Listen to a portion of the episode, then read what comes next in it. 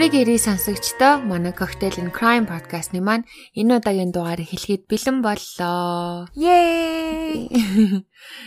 За, манай подкаст насан туршидтэй зориулсан бөгөөд насан туршаагүй болон одоо хитрхи юмд эмзэг мэдрэмтгий хүмүүс маань сонсохоор бүгдээр араа дагаарэ гэж хэлдэг те өөрөө сонсомоор байвал сонсоод тэгээд гол нь шүн зүүдлээд байваа л гэд санаа зовоод идэг штэ те. Тий. За тэгээд энэ удаагийн дугаараа дугаарыг маань манай дулмаа маань ярих байгаа. Тэгээд маш гоё өнгөтэй Хичнээн хэнцэр хичнээн гоё коктейл хийчээвэ чи минь. Энийг гоё тайлбарлаж өгөө. За тэгээ өнөөдрийнхөө коктейлаар би Apple Martini сонгосон байгаа. Гэхдээ зүгээр бас зүгээр бас юм алюминий мартини биш. Sour Apple Martini буюу гашуун алюминий мартини байгаа. Амтдж байгаа жоохон час хийгээд Тийм байна. Аха. Тэгээ маш амархан цагаан арих, баг зэргийн нэмдэгний жуус болон гашуу айлмны ликер буюу шнапс орж байгаа. Аа тэгээд энийг дэлгүүрээс ас авахд манайханд байгаа хаа. Тэгээ нөгөө би бас ингээ хаяа боддیں۔ манай монголч бас ингээ гараад те коктейл хийх юм 9 шидийн тийм сироп мироп да авдггүй байж магадгүй а гэхдээ бас манайхан тий 9 жидийн лаунжд ороод ресторанд ороод бас хараад бит хоёроос одоо сонссон мартиныг харагдах юм бол өө нөгөө манай хоёр ярьж ийсэн штэ энийг аль ууж үзье гэд бодох үедээ гэж боддیں۔ Тэгээ тийм болохоор Apple Martini сонголоо. Ямар ч ресторан болол Apple Martini хийдэг байгаа. Тэгээд нэг юм ногоон өнгөтэй өнгийн нараад бас бодлоо одоо зулсаар болох гэж байгаа юм чи ногоон өнгөтэй юм хийж тийм билүү гэж бодсон. Аха. Стагой харагдчих. Аха. За тэгээд өнөөдөр чинь бас жоохон спешиал дугаар байгаа те. Бид хоёрын нэгдүгээр бүлгийн сүүлчийн дугаар байгаа. Сүүлчийн дугаар байгаа. За тэгээ шууд хэрэгтэй орё гэж бодож байна. Дулмаа маань хиний тухай ярих вэ? Гоё эхлүүлэх үү. За тэгээд шууд хэрэгтэй орё. Энэ удаагийн энэхүү хэрэг нь одоо тийм одоо маш олон төрлийн сэтгэгийг хүнцэн хэрэг байгаа. Одоо шашин тэгэл хүүсийн эрх тэгш байдал тэгэл гэр бүл сэтгэл мэдрэл гих мэт тийм маш олон сонирхолтой одоо юуны хүний амьдралд ер нь бол тийм маш чухал тийм сэдвүүдийг хүнцэн хэрэг гэж би бодсон. Аа бит хоёр нөгөө сануулга дээр ингээл хийлдэж штэ 9 шид юм зүүдлэх үедээ гээд энэ тухай бол ер нь хүм энэ хэргийн талаар бол хүмүүс зүүдлэхгүй байх харин зүгээр сэтгэл нь жоохон хүнд байж магадгүй а ялангуяа эмгтээчүүд эхчүүд гэж хэлмээр байна. Энэ удаагийн хэрэг нь болохоор Америкийн нэгдсэн улсад Техас мужийн Хьюстон хотод амьдрах нэгэн гэр бүл тохиолдсон тийм хэрэг байгаа. За тэгээ энэ хэргийн гол хүн нь болохоор Andrea Ria Yates гэдэг эмэгтэй байгаа. А тэр эмэгтэй нь болохоор 1964 оны 7 сарын 2-нд Техас мужийн Hallsville гэдэг хотод 5 хүүхэдтэй айлын отгоо охин болж төрдөг. А тэгээ ер нь багын сурлага өндөртэй юм юмны тэргуунд явдаг байсан бөгөөд найзууд нь хүртэл түүнийг тийм ер нь төгс байдлыг эрмэлздэг нэгэн байсан гэж дурддаг. Andrea нь болохоор тийм сургуулийнхаа усан сэлэлтийн багийн бүр ахмад нь National Honor Society буюу те улсын тэргүүний сурагчдын тийм нийгэмлэгт хүртэл тийм идэвхтэй гар бие оролцдог нэгэн байсан. Тэрээр ахлах сургуулаа төгсөөд Техас мужийн их сургуульд совилогч мэрэгжлэр суран 1986 онд төгссөн. Их сургуулаа төгссөнийхаа дараа Техасын их сургуулийн MD Anderson гих хорт хавдрын төвд сувлагчаар ажиллаж эхэлсэн байгаа. За тэгээд их сургуулаа төгсөөд тогтсон ажилдаа болон биедан амьдарч байсан Андреа бүсгүй 1989 оны 100 нэг байранд амьдрах Russell Yates гих залуутай танилцдаг. А Russell Yates нь болохоор хүмүүс түүнийг Rusty гэж дууддаг учраас үүнээс цааш Rusty гэж дуудаа явчих тий.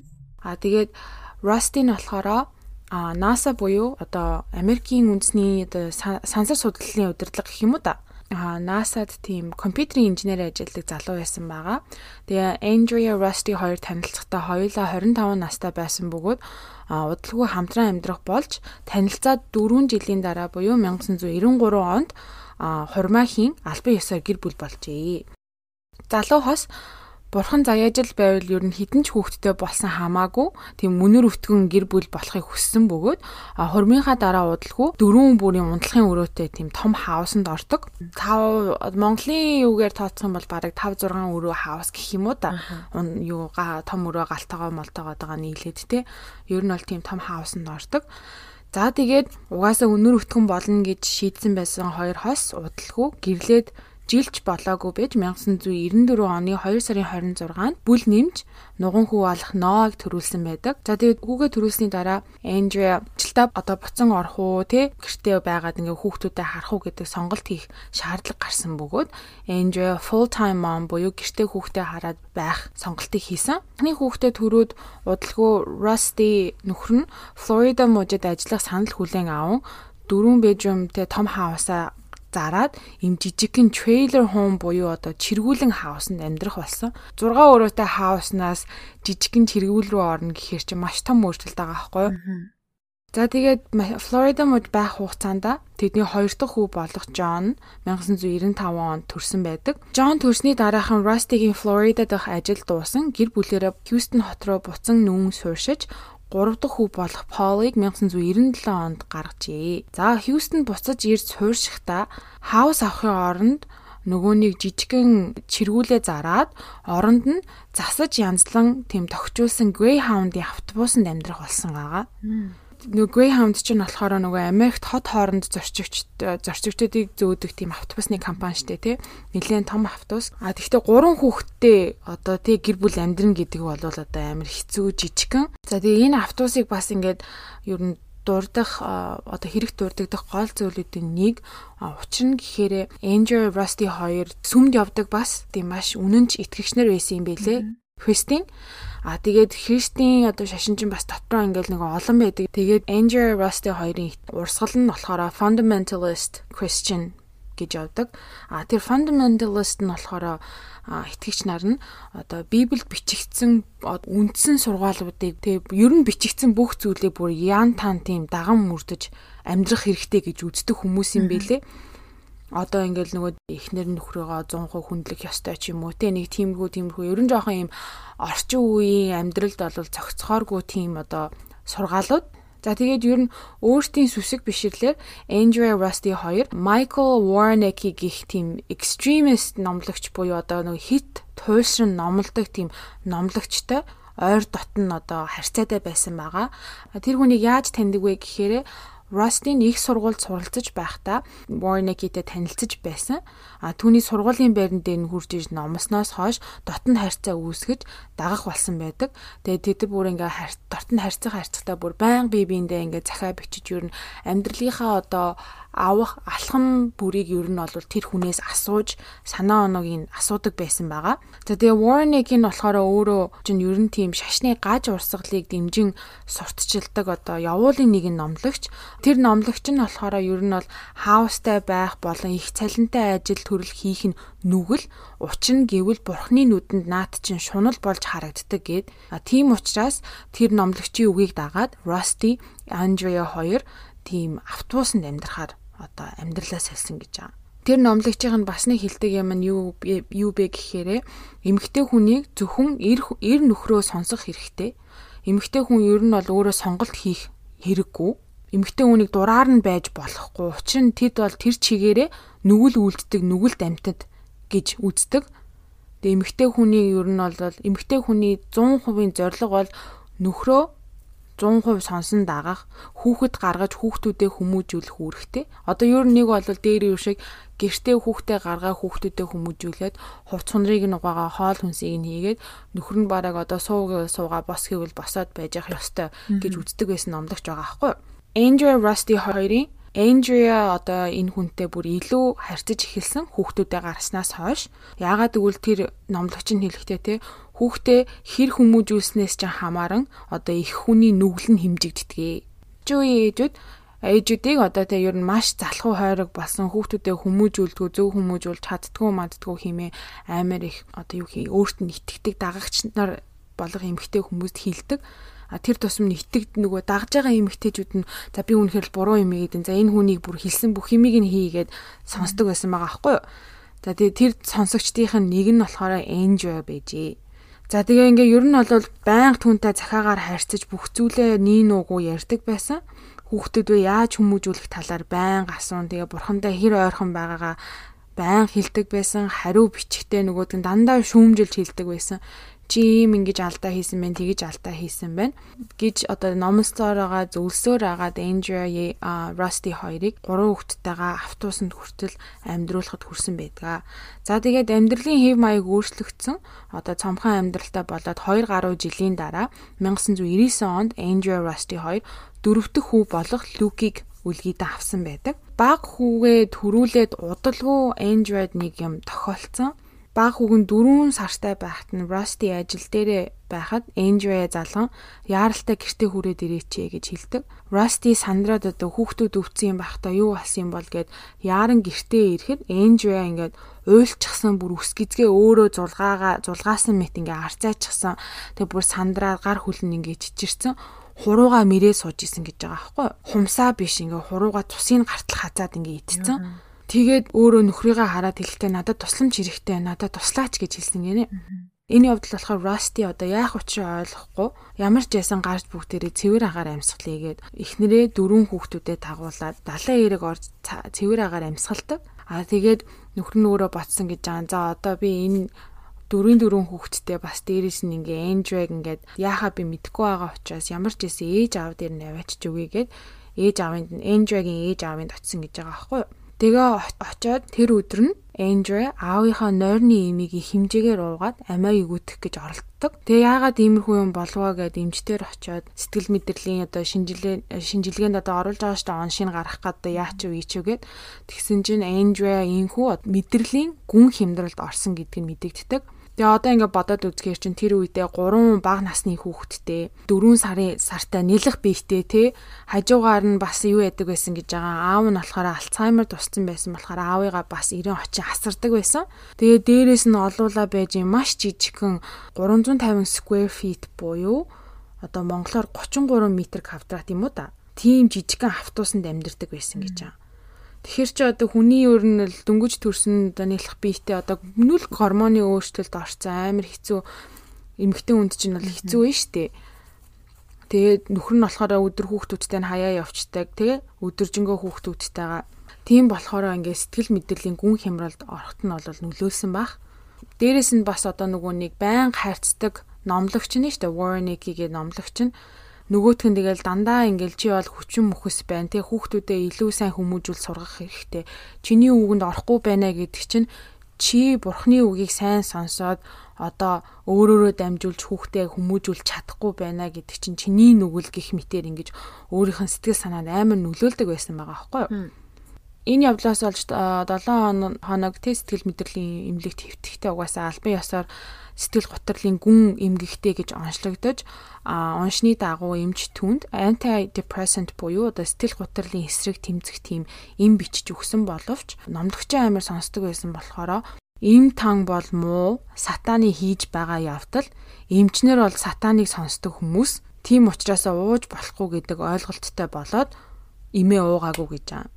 За тэгээ сэтгэл мэдрэлийн хямралтай тэг ялангуяа бүр амиа хорлох гэж оролцсон хүмүүсийг бол эмчийн хяналтанд удаан хугацаагаар юу н байлгадаг штеп. Тийм боловч нөгөө түүний эрүүл мэндийн таатгалынх нь хангамжинд дууссан учраас удалгүй одоо эмнэлгээсээ гарах шаардлага болсон. Эмнэлгээсээ гараад одоо нөхөр нь байн харж чадахгүй учраас нөхөр хүүхэдтэйгээ бүгдээрээ ээж аавындаа очиж амьдардаг байгаа. Аа тэгээд тэр гэртээ байх хугацаанд ер нь бол өөрийгөө зэрэмдэглэж эхэлсэн. Маажих, үсээ зулгаах, тэгээ бүр ингээд арьсаа майцаараагаад ингээд ухаа гаргаад ирдэг. Тэг үсээ ингээд зулгаасаар агаад эн тэндгүү ингээд толгоо нь бүр ингээд урахаа олцсон үснэ энийг болон цуугаал ингээл хум сурууга идээс очино. Тэгээ бүр ингээл цус нүчтэйгээ хойлдол бүр амар тийм сэтгэл санааны дарамтанд ороод ерөөсөө угаа энэ тангааж уухгүй те. Тэгээ бүр дээрээс нь одоо өөрийгөө тэгэж таршлаан зовоохоос гадна хүүхдүүдээ ингээ баг хооллож эхэлсэн гэж байгаа. Хүүхдүүдтэй хоол унтахгүй. Тэг яагаад хүүхдүүдтэй хоолохгүй байгаа гэхээр угаасаа бурхан ховдог хүнд дургу эднэр дэндүү хийдээд байна гэж хэлдэг болсон гэж аа. Тэгээ хин юм үжиж сонсдог болсон. Гэрт ингээд манай гэрт ингээд нууц камера таацсан дээр байна. Бидрийг ингээд үзээд хараад байна. Хянаад байна гэд 9 шидийн бодож эхэлсэн. Бас дээрээс нь хүүхдүүдийнх нь нүний үздэг хүүхэлдэйн бааtruуд нь хүртэл өөртөө нь болон хүүхдүүдтэй нь юм ярьж те муу зүйл хийхийг шаардж гэн химээ хий зүйл харж сонсох болсон гэж байгаа. Бараг нөгөө нэг сэтгцийн гүн хямрал нь нөгөө хоёлынгийн урдны ярьж исэн нөгөө шизофрен болсон юм шүү те. Бүр параноид болоод юм бахи юмнаас айгаад. Ер нь тийм болж эхэлж байгаа юм шиг. Тэг шимж тэмдгүүд нь бол ижилхэн штэ ихэл. За тэгээд 6 сард амиа хорлохыг завдсан явдлаас хойш сарын дараа буюу 7 сарын 21-ний үед нэгэн хоолой түнд юм хэлсэн гэж байгаа. Тэр хоолой нь хэлэх тэр одоо сонсож байгаа хоолой нь хэлэхдээ нэг хутга бариад аваач. Аль нь хутгаа бариад ав гэж хэлсэн гэж байгаа. Тэр сонссон хоолойны дагуу тэр ингээ хутга бариад 0-д орсон. А тэг гэртээ хамт байсан нөхөр нь гайхаад үгүй нэнжвэ хайччуу гэ хайхад тэр 0-д толинд ингээ өөрийгөө харцсан хөдөөндөө хутгаа тулгцсан байдалтай зогсож байсан. Тэгээд нөхөр нь энэ ч юу болоод байна гэсэн чинь Энжой хэлэхдээ гуйж ин зүгээр л намайг энийг хийлгүүлчихдэх үү? Намайг зүгээр явуулчих гуйж ин please гэхэд угаасаа мэдээж нөхөр нь юу яриа солиороод байгаа юм чи юу олж ин те хэмээн ноцолдоод түүний гарт байсан хутгыг нь булаан авчий. За тэгээд энэ байдлаас юусаа харахад угаасаа Энжиогийн сэтгэл мэдрэлийн хямдрал нь бүр ямар гүн байсныг харагдаж байгаа зү. За тэгээд энэ удаад хувийн сэтгэл мэдрэлийн эмнэлэгт эмчлүүлэн postpartum depression буюу төрсний дараах гүн хямрал болон сэтгцийн гүн өөрчлөлттэй гих онш тогтоогдсон байдаг. Тэгээд эмнэлэгт хүргэгдээд яаралтай тайвшруулах тариа хийлгүүлсний дараа Andrea тайвширч одоо эмчтэй ярилцаж эхэлсэн. Тэгээ юу болсон талаар асуухад тэр одоо ингээд 9 шидийн одоо сонссон бүх юма хэлсэн гэж байгаа байхгүй одоо камер манай ингээд та байрны таазан дээр камер бидний ингээд хараад байна. Манай хүүхдүүдийн үздэг Google-тэй баатрууд намайг ингэх гээд байна. Манай хүүхдүүдэд ч гэсэндээ муу юм хийгээд заагаад байна бас дээрэс нь хэлэхдээ одоо яагаад ингээд одоо хутга барьж аваад өөрийгөө эгүүтгэхийг ингээ оролдвоо гэсэн чинь өөрөө хэлэхдээ би тэр хоолыг нэг биш нилээ хэдэн удаа сонсож байгаа гэж хэлсэн байдаг. Тэгээ хамгийн түрүүнд хизээ энийг сонсч исэн бэ гэхээрээ одоо том хүү болох Ноаг төрүүлэхэд бодол нь орж ирсэн одоо нөгөө дуу хоолой сонсогдсон гэж байгаа байхгүй юу. Дөнгөж хүүхдээ төрсний дараахан галтаагаараа очоо хутга бариад ав гэж чихэнд нь хэлсэн. Нүдэндээ өөрөө хутга барьцсан гэд ямарваа нэгэн хүнийг ингээд хутгалж байгаа мэт тийм юм харагдсан гэж байгаа байхгүй юу. Өөр нь ингээ харахад бол enjoy-гийн сэтгэл мэдрэлийн өвчин одоо энэ postpartum тий төрсний дараах хямрал нь бол дөрөв дэх хүүдээр нийлрээгүй. Харин хамгийн анхны хүү хүүхэд гарахт нь л ер нь одоо асуудал нь одоо сэтгэл мэдрэлийн одоо эмгээг нь одоо сэтэрсэн гэх юм одоо ихэлсэн. За тэгээд 3-7 хоног эмчлүүлсний дараа маш олон эм ууж одоо сар болгон эмчтэйгээ уулзах шаардлагатай болсон эмчин Rusty одоо нөхөрт нь хэлэхдээ Andrew-гийн онш бол одоо маш хүнд ноцтой эмгэг учраас аль болох стрессгүй тайван амгалан байлгах хэрэгтэй. А бас дээрэс нь ерөөсөө ингэж ганцаар ингэ орхиж болох гэдэг. Бас дээрэс нь Andrew-гийн ээж нь хүртэлтэй Rusty хэлэхдээ чи одоо дөрвийн дөрвөн хүүхэдтэй юм сэтгэл санаагаар унсан хямралтай хоёр удаа одоо ингээд амиа юутгсэн хүнийг чи автобусанд ингээ амьдруулад байж болохгүй. Тийм болохоор чи тав тухтай хаусанд амьдрах хэрэгтэйгээд тэгж зүйлсний эцэст Rusty Andrew-г эмнэлгээс гарахаас өмнө бас нэг гоё том хаусанд ордог. За тэгээд хотго ирж өөрийгөө амиа хөнөөх завтсан явдлаас хойш 2 сарын дараа гэхэд Andrew гэртээ ирчихсэн. Им тангаа ингээ цагт нь сайн уудаг болсон. Бөгөөд түүний ааш занж гисэндээ амар тийм маш сайн засарч тэг хүүхдүүдтэйгээ харьцах харьцаан ч гэсэндээ дээшлэн ер нь бол амьдрал амьдрал нь сайжирч эхэлсэн байдаг. Andrea-гийн одоо нөгөө онш нь болохоор төрсний дараа хямрал учир одоо эмчин зөвлөсөн гэж та хоёр одоо ингээд дөрөв сайхан хүүхэдтэй болчлоо. Ер нь бол дахиад ер нь хүүхэд гаргасны хэрэггүй байхаа. А учир нь гэвэл төрсний дараах хямрал сэтгэл сэтгцийн өөрчлөлт нь одоо дахин задрах магадлал нь 50-аас 80% тий маш өндөр байдаг учраас та нар дахиад хүүхэд гаргах юм бол энжой дахиад юм сэтгэл санааны гүн хямралд орж одоо ямарваа нэг юм болох магадлал өндөртэй шүү гэж сануулсан байдаг.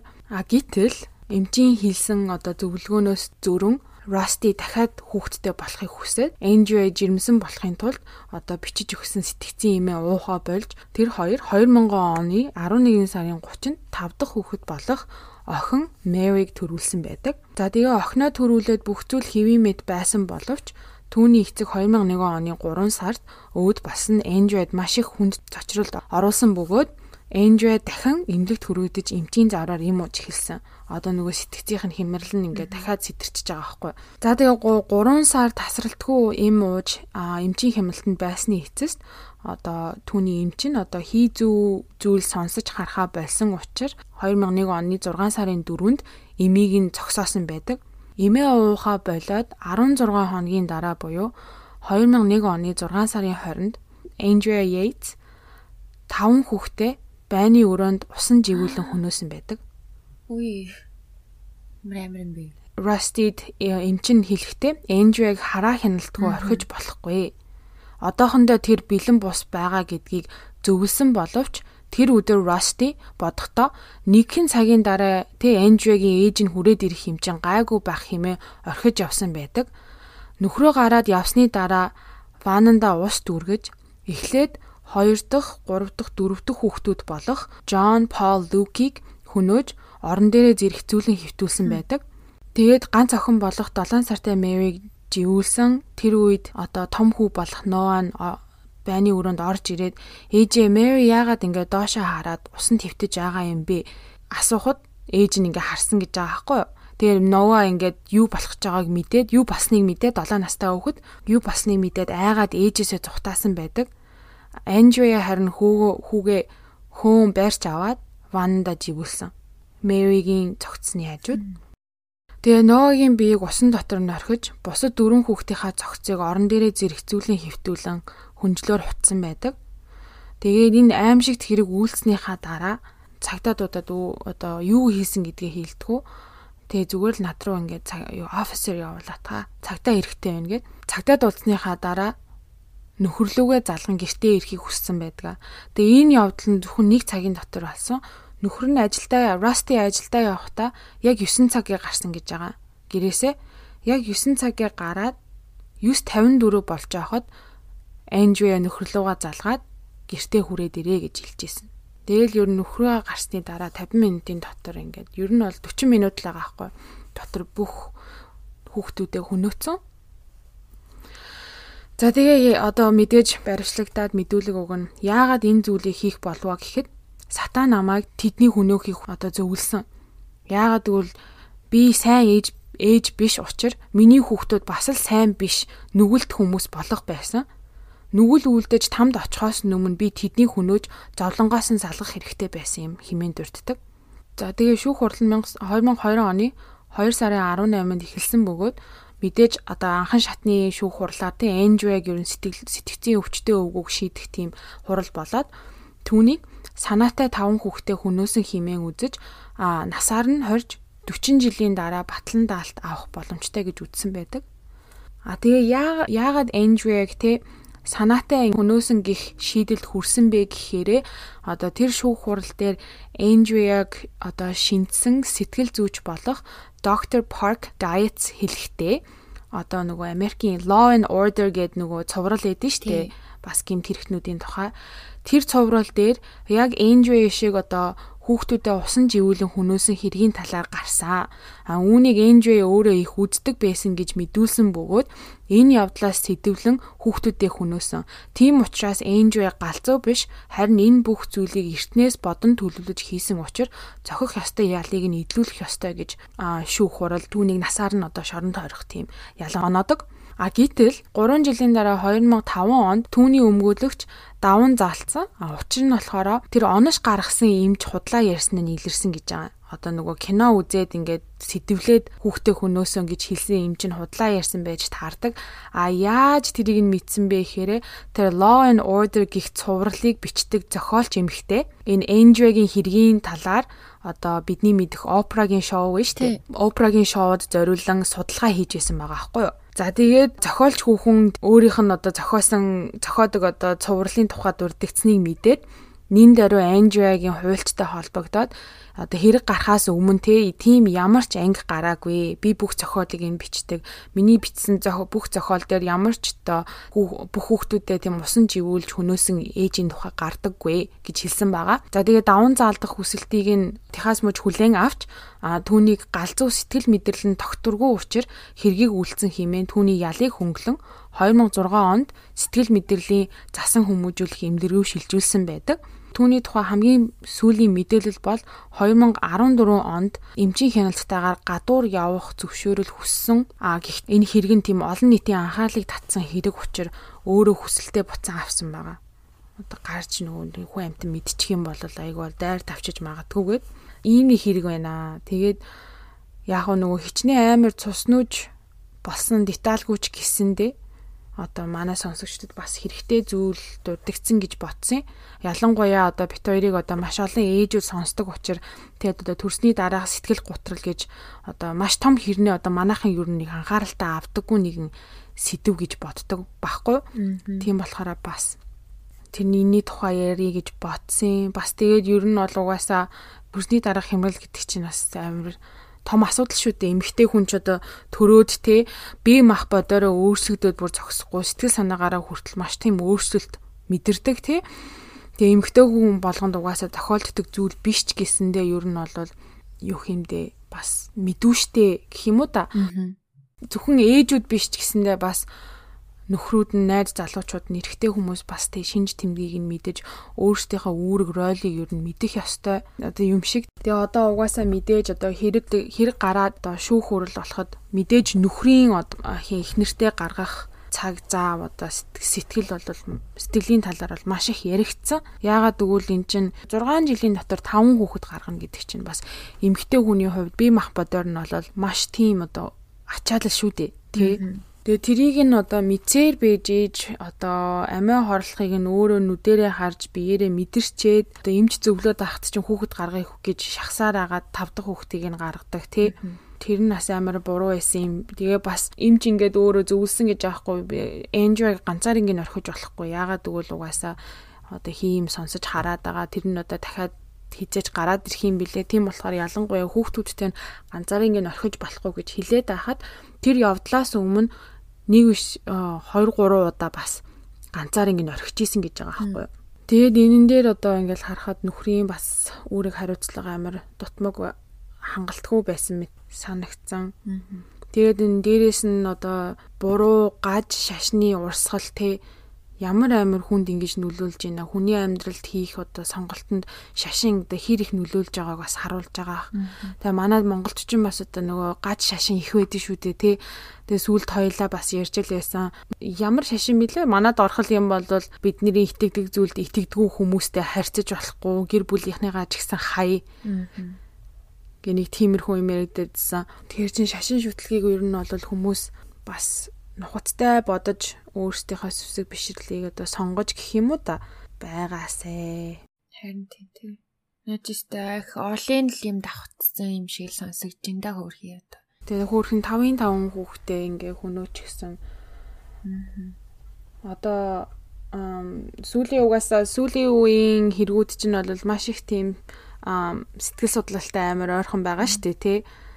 Тэгээ ингээ хараад тахаар угаасаа бит хоёр одоо хамгийн анх одоо подкаст хийж хэлж байхад зөвхөн одоо хэргийн талаар биш зөвхөн одоо тэг аллага хөнөөлтийн талаар биш. Яагаад юм болчихвоо гэдгийг нь бас тэг ухаж түнхэж сонирхож мэдэж бас өөрсдийнхөө амьдрал дээр ч гэсэндээ ер нь бол одоо юу хиймдээ харж тэ бодож юм байдаг үлээ яадаг үлээ хийг ирмэлцэн би л тэгэж утсан шүү дээ. Юм сэтгэл мэдрэлийн одоо эмгэг өвчин бол манай Монголд бол зөндөө байдаг боловч одоо л нөгөө нэг шинжлэх ухаан илүү өгчөж хүмүүс илүү одоо анхаарал тавьдаг болсон мэт бас ихтэй сонсож байгаа үгүй хэрэг байна. Тэгээд бүхэл ээж нь өөрийнхөө төрсэн хүүхдүүдийг өөрийн гараар одоо үгүй хийн гэдэг чинь бас ой тойнд багтамгүй л хэрэг болжээ. Тэгээ одоо мэдээж амар олон талаас нь л бас чиний хийснээр тайлбарлаж болох байх л та. Тэгээ бас нэгэн бодогдоод хин муу сүнс мүсэнд хариулцах хүүхэн юм болов гэж бодох татах. Мэдээж хүн болгоны ихтгэл өнөмшөлтэй холбоотой ах л та. Гэтэ тийм байж магадгүй санагдлаа. Тэгээ мэдээж дээрээс нь одоо эмэгтэй хүний тэр олон хүүхд гаргацсан тэр гормоны өөрчлөлтүүд сэтгцэн өвчин бүх юм л давхцаж тэг хөрхий. Тэгээд бас нөхрийн бас яг амар хариуцлагагүй нөхөр гэж жичих бас хэцүүлэн яагаад тэгэхээр хөрхий мэндэл аль байдаг чадлаараа л байсан дээр мэдээж хүний амьдрал болсон энэ ганц хоёр удаа тэгэл яах одоо орхиж авах шаардлага мэдээж гарах байлгүй. Тэгээ ганцхан цаг одоо ээж нэрхийн орондын үлдээсэн хооронд гэдэг чинь бас л одоо баг би л би ч гэсэн байсан болвол баг одоо юу гэдэм хизээж тэхгүй мэхгүй гэж бол хэлэхгүй. Тийм тохиолдол байсан байх. Тэгээ нөхрийн нас буруутгах хэцүү юм. Одоо хэнийгч буруутгах юм дээ, тэ. Харин тэгээ яг Нэг амир жижигхэн ч юу юм. Гэхдээ бол яг уу энэ хэрэгээс хараад одоо залуучууд сонсч ивэл те их нэртэй бас нялх биетэй их нэртэй бас анхаарал тавьж байгаарэ. Ханд хайр халамж үнэхээр хэрэгтэй байдаг. Тэ ялангуяа энэ ч одоо бие хаана өөрчлөгдсөн. Тэгээ дээрэс нь бас гормоны өөрчлөлт ингээл ер нь бол эмэгтэй хүн чинь төрсний дараа бас маш том зүйлийг яг уу би бит хоёр өөртөө мэдэрч үзээгүй байгаа ч гэсэндээ бүхэл ээжүүд тэгэж хилдэг те. Тэгээ хоёр яс сална гэдэг чинь бүр амар шүдэл гэдэг нь штэ. Тэгээл тэрнээс одоо сэтгэл мэдрэлийн өөрчлөлт гарах нь бол мэдээж бага хэмжээгээр ч юм уу уу ямарваа нэгэн байдлаар өөрчлөлт гарах нь бол ойлгомжтой. Тийм болохоор манай залуучууд бас их нэртэй анхаарал тавьж байгаарэ. Найз охиндоо анхаарал тавьж байгаарэ. Сая тэгээд манай дулмагийн ярьсан түүхтэр хөндөгцсөн одоо энэ төрсний дараах сэтгэл готрлын талаар бид хоёр бас мэрэгжлийн үнтэй ярилцсан байгаа. Тэр тухай тэгээд удахгүй оруулах болно. Тэгээд манай ээжүүд бас олноороо сонсдог учраас бүгдээрээ гоё анхааралтай сонсоорой. Аауд ч гэсэн сонсож ер нь эмэгтэй хүний гормон бие физиологт ямар өөрчлөлт ордын тэр сэтгэл зүйн одоо тэр хэцүү үед авч яахт нь хажууд нь яаж хань төвшөг болох тухай ч юм уу бас сонсоод авахд илүүтэхгүй байх гэж бодож байна. Тэгээ бүгдээрээ гоё хүлээж аваарай. Аа. Маш сонирхолтой байлаа. Имбэрхүү хэрэг байна. Би таван хүүхдийг нь бодоод зүгээр амар хөөрхөн хөөрхөн бичлэгүүд нь байд юм билээ. Тэгээ ер нь бол сайн ээж байсан юм билээ. Одоо юу хэмдэ сэтгэл зүйн өөрчлөлт нь одоо яг баланстай байхад бол амар хөөрхөн ингээл хүүхдүүдтэйгээ ярьж харцж байгаа. Тэгэл тав хүүхд нь үнэхээр хөөр хүүхдүүд байсан билээ. Бас сэтгэл бүр э, шимширчлээ. Энийг уншиж та. Энэ хүүхэн одоо хаана байгаа гэсэн бэ? Одоо болохоор Техас мужийн сэтгэл мэдрэлийн эмнэлэг твтдэг. Одоо бүр 60 гарсан хүн байгаа гэсэн үг шүү дээ. Аа. Тийм хэрвээ имчилгээгээ сайн хүлээж аваад тэх юм бол ер нь ирээдүйд суллагдах магадлалтай. Нөхөр нь Rusty болохоор Andrea-гаас 2004 онд салаад одоо болохоор өөрөө өөр хүнтэй суугаад хоёр дахь их нэртэйгаа нэг хүүтэй амьдард юм билэ. Тэгээд энэ хэргийн талаар хүмүүс бол энэ эмгтэн хэрэг бол гарах ёсгүй хэрэг байсан. Хүмүүс нөхөр нь анхаарал тавиад эмчнэр нь ч гэсэндээ тий бас нихуртай хандсан болвол Andrea хизээж таван хүүхдээ хөнөөхгүй байсан гэж ярьдаг. Урчлан сэргийлэх бүрэн боломжтой байсан гэж боддог юм шүү дээ. Болон бүрэн боломжтой. Аа. За маш сонирхолтой хэрэг ярьж өгсөн дулмаадаа баярлаа. Тэгээ манай эд маань манай сонсогчд маань бас маш олон зүйл бодогдож байгаа байх те. Ойрын ойрын хавийнх нь одоо иймэрхүү төрснөөс шалтгаалаад төрхийн дараах одоо сэтгцийн хямрал энэ төр болж исэн хүмүүсийг ч гэсэн таньдаг магадгүй өөрсдөө ч гэсэн тийм зүйл туулж исэн бол байж магадгүй те энэ бол маш сериозны асуудал учраас хэрвээ та одоо яг одоо сонсож байгаа хүн байвал яг одоо ийм юм биерээ туулж байгаа бол мэрэгжлийн хүн тандаараа гэж хэлмээр байна. За тэгээ хоёлоо дараагийнхаа сегментэд орох уу. За тэгээ. Манай асуулт хариултын хамгийн сүүлчийн асуулт хариулт. Тэгэхээр 20 дугаар сизнээс эхлээд асуулт хариултаа хийхээ зогсоё гэж ярьсан байгаа. Тэгээд аа энэ одоо эхний бүлгийн хамгийн сүүлчийн эхний асуулт нь болохоор effective or not гэсэн нэртэй YouTube-ийн сонсогч мас сонсогчноос маань ирсэн байна. За ингэнэ. Энэ подкаст хийх санаагаа хаанаас олж авсан бэ? Бас өөрсдөө хувь хүний хувьд ямар хөө сонирхолтой вэ? Үздэг кино, сонсдог дуучин гих мэт гинэ. За, подкаст санаагүй. Санааг бол манай дөөгөө гаргаал би дэмжээл окей давай гэсэн тий. Окей давай. Тий. Тэгсэн дуучид кино тэгэл фэнтези кинонд дуртай дулмагийн хувьд боевик кино хаяа үзэн иймэрхүү юм ярддаг бэжиж аим шин кино үздэггүй. А гэхдээ нөгөө яг бодит ийм гимт хэргийн тийм докюментари үзэх дуртай. Дуучин тэгэл хамаагүй сонсдөө штэ. Хинчээс яг чихэн чихэн чиртэй биш л бол айтайхан доо энийг ч хамаагүй сонсдог. За тийм байна. Манай докугийн хувьд аа за подкаст хийх санаа бол яг би Америкт анх ирснээсээ хойш л ер нь тухайн үед ч нэг контент гэж ярьдгүй л байсан л да тий. Гэхдээ яг YouTube-аар бичлэг энэ төр хийх юм маш их сонирхолтой байсан. Тэгэл одоо амьдралын шаардлагаар гэдэг шиг хэл усаа сурахаас ахиулаад сургууль солиод төгсөн гэдэг амар завгүй байсан болохоор тэр хүсэл мөрөөдөл маань ер нь дандаа хойш нь тавигдаад ирсэн. Тэгээ сая одоо сургуулаа төгсчөөд нэг жохон завтай болоод ялангуяа сая нөгөө пандемик болоод одоо нөгөө гэр орондоо хоригдоод ирсэн чинь жохон зав гараад тэгээд тэр бодож исэн зүйлээ ер нь барьж аваад нэг хийгээд үзүүл яа гэм бол гэж бодоод зөрөгтэй хөдөлсөн. За тэгээд нөгөөх нь өглөө санаагаа болохоро би бас өөрөө энэ энэ чиглэлийн одоо Америкчуудын хийдэг подкастыг сонсоод бараг 2 3 жил болж байна. Тэгээд ер нь Монголд Монголд ийм подкаст хийдэг хүн байдаггүй болохоор хийгээд үзье. Сонсогчд хэрэг байх нь уу? Сонирхдаг хүмүүс хэрэг байд юм байна гэж жоохон туршилт хийх маягаар хийсэн гэхүүтэй. За нөгөөх нь өөрсдөө хувь хүний хувьд ямар хөө сонирхолтой вэ үздэг кино. Аа кино гэх юм бол аим шин кино үздэг. Ер нь бол тийм төгшүүртэй кино амар үзэх дуртай. Тийм задоонтай, байлдаантай тийм кино л үзэх амар дургу. Аа бас тийм хиймэл одоо хизээч амьдралтай одоо юу гэдэм те одоо нэг тийм миний бүх эсрэгийг үздэг. Тэ. Тэгээ одоо үедээ Star Wars маш нэг тиймэрхүү кино үнэхээр дургу. Миний дуртай киног балаа балаа болгоо явуучих юм да. Sorry. Тийм л юм чи яах юм бэ гэдэг шиг. Ер нь бол тийм. Тэгэл ер нь л жоохон аа би ерөөсө подкаст гарлаа шал дургу хөрчлээ.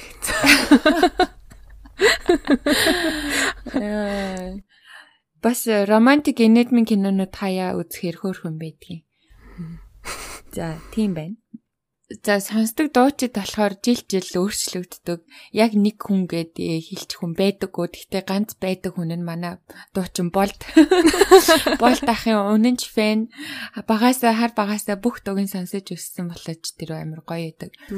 Аа тэгээд бусд нь олвол зүгээр л ёстой жил жилээр өөрчлөгдөө явчихдээ. Манайд ирэхээрээ л зүгээр намайг зүгээр болдоор бэлхуулчаал явдیں۔ Яасан газар алгана бол тахаар бэлхуулаад явна штэ гэж. За тэгээ дараагийн асуулт нь болохоор Аюута MN vlog гэсэн нэртэй хүнээс ирсэн байна. Бид нэр яагаад энэ төрлийн зүйлийг сонсдог гэж бодож байна гинэ. Тий гэж бодож байна дөөкө. Яагаад тэгэхээр мэдээж хүн болгон өөр өөрөөр хариулах байх л та. Гэтэ яг нь а ерөнхийлөд ярий л да гэж бодож байна. Босын явдал гемт хэрэг гэсэн төрөл жанрын үзэгчд, уншигчд болон одоо сонсогчдын дийлэх хувь нь буюу одоо 60-аас дээш хувь нь ерөнхийдөө бол эмэгтэйчүүд байдаг гэдг нь батлагдсан. Аа. Тэгээд эмэгтэйчүүд голцоо энэ төрлийн одоо ном хэвлэл уншдаг байж байгаа тий одоо дээр үед бага дараа нь одоо кинодрам баримтат кино энэ төр гарч эхэлснээс хойш тэрний одоо үнэнч фэн болоод одоо киноны үнэнч фэн болоод одоо сүүлийн үед одоо сонсдог хэлбэрээр буюу подкаст хэлбэрээр гарсны дараа хүртэл эмэгтэйчүүд дийлэнх хувийн үзэгчд сонсогчд хിവэрэл байсаар байгаа гинэ. Аа. Тэгээ бас юу яд юм л да. Edison Research гэдэг тийм хэвлэл мэдээллийн тийм нарийн судалгаа хийж гаргаж өгдөг тийм компани байт юм байна л да. Тэгээд тэд нэр 2008 онд тэгээд 2017 онд хоёр удаа ингээд одоо подкаст сонсогчдын тухай судалгаа явуулахад ер нь подкаст сонсдог хүмүүс дийлэн хувь нь эрэгтэй хүмүүс байдаг гэдгийг нотолсон байлээ. За. Тэгээ одоо хүртэл одоо нийт подкаст сонсогчдын одоо уул нь бол эрэгтэйчүүд нь илүү боловч одоо true crime гэж жанр байгаа дээ тий болсон явдал гэмт хэргийн жанрыг яг энэ жанр дээр ганцхан эмгтээчүүд нь төрүүлдэг энэ одоо дийлэх хувь эмгтээчүүд. Бусад бүх одоо юу гэдэг боловсрол шинжилгээ ухаан тий одоо улс төр урлаг энэ алганы одоо жанраар нь авч үзэхээр дийлэн хувь нь ирчүүд ер нь сонсогч нь байдаг. Энэ угаасаа тоогоор илүү. Харин яг энэ болсон явдлыг болохоор эмгтээчүүд илүү сонсдог гэсэн. Тэгэхээр дийлэнх подкаст сонсогчид ирчүүд байгаад тийм байгаад ахад эмэгтэйчүүд энэ дээр одоо ихэнх хувийн сонсож ийн гэхээр одоо гендрийн зөрүү бүр илүү их харагдаж байгаа та тий эмэгтэйчүүд ямар их сонсдог болох нь харагдаж байгаа гэж бодож байна. Тэгээд болсон явдал гэмт хэргийн тухай подкаст сонсогчдын 75% нь 75 шүү бүр. Бүр эмэгтэй хүмүүс байдаг гинэ. Энэ тухай болохоор Journal of Radio and Audio Media гэсэн тэрэн дээр тэгсэн байсан. Аа за яг яагаад вэ гэхээр мэдээж мэрэгжлийн хүмүүс маш олон янзаар онол төвшүүлсэн байд юм байна лээ. Мэдээж яг яг ингээд яг тэгээд гэсэн одоо юу байхгүй штэ тий бүгд л одоо онол бүгд л одоо зүгээр theory. Тэгээ тэрэн дээр болохоор яг уу ерөөхдөө эмэгтэй хүмүүс дийлэнхтэй гимт хэргийн нөгөө золиос болдог болохоор байглаасаа ингээд бүр цаанаасаа тий бүр далд ухамсартай survival буюу одоо нэг амьд үлдэх ч юм уу амьд мэд гарах тийм хүслээсээ ч юм уу шаардлагаасаа болоод гимт хэрэгтний тий эсвэл одоо өөрлөнд дайрж байгаа тэр атакрын сэтгэл зүйн сонирхож тэгээ ямар нэг юм хизээ нэгэн цагт одоо өөрт нь тохиолдоход өөрийгөө ингээд нөгөө өөрөө мэдхгүй ч гэсэнд ингээд бэлдээд байдгийн гинэ. Нэг тийм юм байсан. Тэгээд эрчүүд угаасаа нэг ийм үг өгдөө штэ. Эрчүүд эмгтээчүүдийг өөрийг нь шоолж инехээс айдаг болвол эмгтээчүүд эрчүүдийг өөрийг нь алхаас айдгаа гэсэн нэг тийм үг байд юм билээ тэр нь одоо харагдаж байгаа юм болов уу гэж бодсон. Тэгээд угаасаа цаашлах юм бол зөндөө л олон шалтгаан байна л да. Ерөнхийдөө бол хүмүүс нэг тийм хориотой юмд маш их тийм сонирхол нь татагддаг те илүүц. Тэгээд одоо хориотой болохгүй яах юм уухай гих тусам ингээд сонсхийг хүсдэг, мэдхийг хүсдэг ч юм уу те. Бас нэг Майкл Мантел гэсэн сэтгэл зүйч тийм доктор хүн байсан. Тэр болохоор яагаад ингээд ийм хүмүүсийн тухай сонсдсон бэ гэсэн чинь because it's normal. Тэ энэ бол зүгээр л нормал болохоор гэж аахгүй юу. Тэ угаасаа ерөө энэ одоо босын явдлын тухай сонслоо гэд энэ нь ерөөсөө тийм гачин тийм юм биш. Энэ бол зүгээр нормал. Гаж сонирхол бол биш. Тэ гэж аахгүй юу. Тэгж хэлсэн бэ тийм байлээ. Бас нэг хүн Scott Bond гэдэг криминолог ийн профессор хүн байгаа байхгүй юу. Тэр нь болохоор хүмүүс угаасаа цаанаасаа тийм сониуч одоо жишээ нь зам дээр осол гарсан байхад бид нэр яаж харж харцаа салгаж чадахгүй өнгөрдөг үлээ те. Тийм тосол гарсан байна гэл ингээл сониуч зан чим шиг ингээ ер нь л цаанаасаа л нэг тийм харцаа салгаж чаддаггүй штэ. Тэг тэрэн шиг гэж тэрнтэй зөөрлж хэлсэн байдгийм бэ. Нөгөө төгөөр мэдээж түрүүний хэлсэнчлэн ямарваа нэг юм тохиолдоход бид нэр одоо өөрийгөө бэлдээд байгаа ч юм шиг те цаагаараа одоо бит хоёр одоо ярьсан юмнаас зөндөл юм сурч авсан байх гэж бодож байна. Одоо юу гэдгийг ер нь бол зөндөө хүмүүс хэлдэг шүү дээ. Хоёрыг сонсносоо шингээ болгоомжилдаг болсон.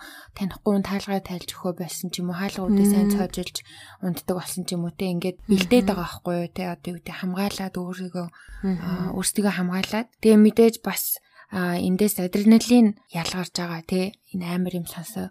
Гэд айж байгаа чинь хүртэл адреналин ялгараад ингээд байгаа учраас бас бид нэр аим шин кино үзэхдээ одоо сүнс чөтгөртэй хиймэл кино үзэх дуртай байдаг шиг адилхан. Тэр нь дуртай байдаг байж болцшгүй гэж бас хэлсэн байдаг.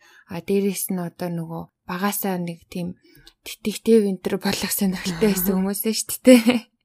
Тийм хүмүүс бол одоо яг тийм пазл ингээ эвлүүлэх гээд байгаа ч юм шиг одоо үүдийн учрыг нь олох гээд бүр сонирхоо сонсоод байдаг те одоо жишээ нь Eastburn-ы гэрүүл тохиолдсон хэрэг дээр манайхан ч өстө жинхэнэ бүгд детектив болцтой.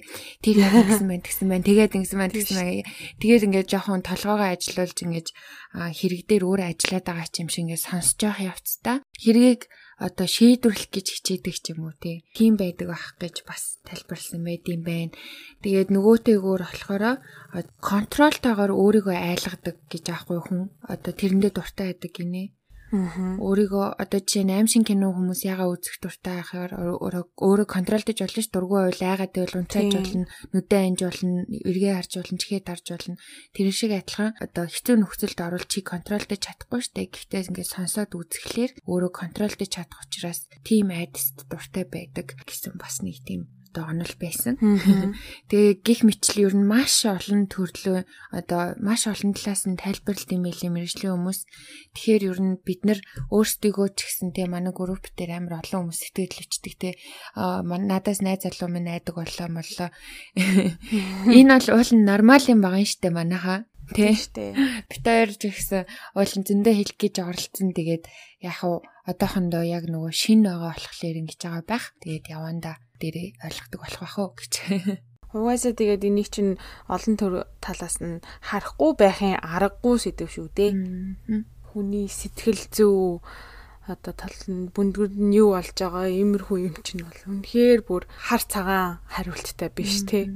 Тэгээ ямар сонирхолтой одоо судалгаагаар болохоор эмэгтэй хүмүүс болохоор энэ болсон явдал гемт хэрэг цус нүж те гемт хэрэгтний сэтгэл зүй гэх ингээд үзэх дуртай байдаг бол эрэгтэйчүүд болохоор дайн дажин те тэр зодоо нүдэн тийм юм а үзэх дуртай байдаг гинэ.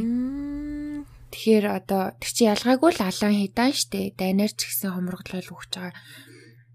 Тэгэхэд одоо үхлийг ингээ хоёр талаас нь хоёр өөр талаас нь одоо юу гэдэг сонирхохын чашийн те үд арай ингэж үз хүлээж авдаг байгаахгүй ямар сонир надад тэр айгуу сонирхолтой санагдсан. Дайнд дайжин бас тэгтээ бас нөгөө юутай холбоотой байж магадгүй эрэгтэй хүн чинь угаасаа цаанаасаа л бүх юмыг одоо гэр бүлээ дагуулж явах ёстой мостой гэсэн тийм байгалийн гэх юм уу да тийм. Байгалийн тийм хамгаалагч угаасаа зан характертай болохоро дайн дайжин чинь бол одоо юу хийн хоёр талтай шүү. Нэг бол хожин, нэг бол ялагдана Тиймэрхүү юмыг одоо харж үзэж бас одоо кино үзэнгээ тий одоо юм сонсонгуудаа нэг талыг баримтлаад ч юм өөрийнх нь санаа оноо нийлж байгаа зүйлийг барьж аваад тэрэндээ ингээ анхаарлаа тавиад одоо тэр тал нь хожих юм бол бас одоо ялах юм бол өөрт нь бас тийм кайф авдаг болов магадгүй.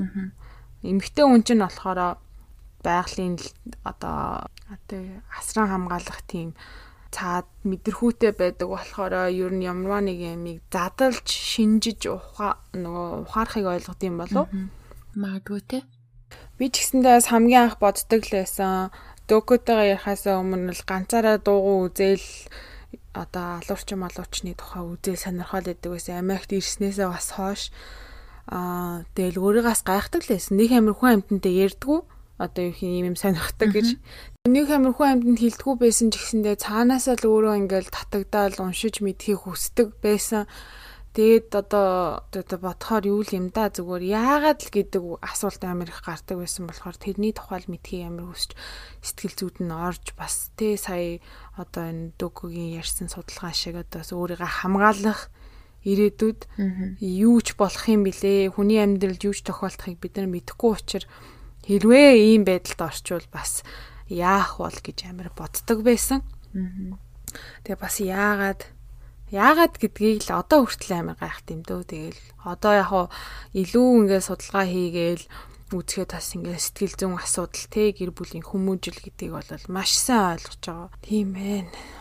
За тэгээ маш сонирхолтой асуулт тавьсан сонсогч нартай баярлаа. Тэгээд энэ болтол асуултанд хариулаад бит хоёрыг бас ямар хүн бэ хүмүүс бэ гэдгийг мэдэж дотн танилцж авсан хангалттай ах гэж найдаж байна. Одоо giveaway-ха талаар жоохон дурдъя да тий. Одоо энэ энэ дугаар цацагдсны дараа бит хоёр giveaway-ха удирдамжийг бүх хуудсан дээрээ постлох байгаа. Тийм болохоор манайхан манай Facebook хуудас, тэ Instagram page болон YouTube руу бүгдээрээ ороод хараад тэ ямар нөхцөл байдал хангахыг а машин сонирхоорой. Тэгээд маш сонирхолтой одоо өгөх гэж байгаа зүйлүүд нь маш сонирхолтой байх байх гэж бит хоёр найдаж байгаа тий. Giveaway-ха азтанг гэхдээ Facebook-ийн комент дундаас шалгаруулах учраас та хэд маань одоо нөгөө найзуудаа меншн хийж комент бичихтэй Facebook руу Facebook-ийн манай пэйж болох Cocktail and Crime пэйж дээр орж тухайн нөгөө өдөртөмжинд ор хүмүүсээ найзуудыгаа меншн хийгээрээ YouTube дээр YouTube дээр меншн хийх хэрэггүй шүү гэж хэлмээр байна. Анхааруулмаар байна. Мэдээж удирдамж дээр бол оруулсан байгаа. Гэхдээ энэ ч давхар хэлчихье. А ямарваа нэг байдлаар манай хэд одоо нөгөө сонгогдсон санамсргүй байдлаар аздангаа шалгаруулна. Тэгээ тэр аздан маань Америкээс одоо шуудан илгээхэд айгүй хэцүү ч юм уу боломжгүй газар байгаа болвол бит хоёр Монгол руу хамаатан саатан гэр бүлийнхэн рүү нь явуулаад өгч болно шүү ханаас ч хамаагүй э, сонсож байгаа та идэвхтэй оролцоорой хин ч ихсэн азтан болох боломжтой шүү гэж хэлмээр байна. Тэгээд бүгдээрэнд нь амжилт хүсье. Тэгээ хоёрдугаар сезоноор битээр улам сонирхолтой, улам тарих гарчлахсан гемт өргүүдийг бэлдэж байгаа. Тэгээд хэдүүлээ удахгүй уулзнаа. Тэгээ бас амар удаан хугацаагаар салах гэж байгаа юм сандад ах юм. Уул нь цөөхөн хитэн хоног үсттэй. Хоног л доо. Олон гэдэг битээрийг бити амар санаарэ гэтэн битээр ч гэсэн сэтгэл амар их болноо. Сүртэй. Тэгээ баярын өдрүүдээр битээр шин дугаар оруулж чадахгүй учраас бүгдээрэнд нь уртчлаад шинэ жилийн минь төргий шинэ оноо сайхан тэмдэглээрээ гэр гертээ хариуцлагатайгаар гэр бүлтэйгээ аз жаргалтай шинэ оноо сайхан тэмдэглээрээ ирэх 2021 онд уулзцгаая да. Тийш. Шинэ жилээрээ бүгдээрээ тэгээд одоо дэлгүүр хошоо онгоцсон юм чин коктейлийнхаа орцуудыг аваад гой коктейл хийгээд битээртээс зургнуудаа явуулаарэ. За за тэгээд энэ удаагийн дугаар таалагдсан бол лайк дараад, шеэр хийгээд тэгээд subscribe дараарай. Бас ташаамд хэлэхэд нөгөө манай Apple Podcast дээр Apple Podcast дээр сонсдог хүмүүс маш олон байдгийн байна лээ. Тийм учраас та хэд маань чадвал заавал гэж хэлэхгүй л дээ. Гэхдээ чадвал бит хоёрт хийдчихээс хамаагүй. Тэр юугаа нөгөө одоо өгөөрэй юу гэж ревю хийгээхдээ нөгөө 5 star 4 star тэрийгэ дараад өгөөрэй гуйж ийн алгоритмд нь тусалдаг байхгүй юу тийм болохоор бит хоёр туслаад дэмжиад тэрийг дараад өгөөрэй гэж гуйх гэсэн. Thank you. За тэгээд дараагийн бүлгээрээ уулзцгаая. Тэр хүртэл Төр төр баяртай. Bye bye. Bye. Bye. Happy New Year. Snow Gotham. Шинэ жилийн мэнд хүргэе.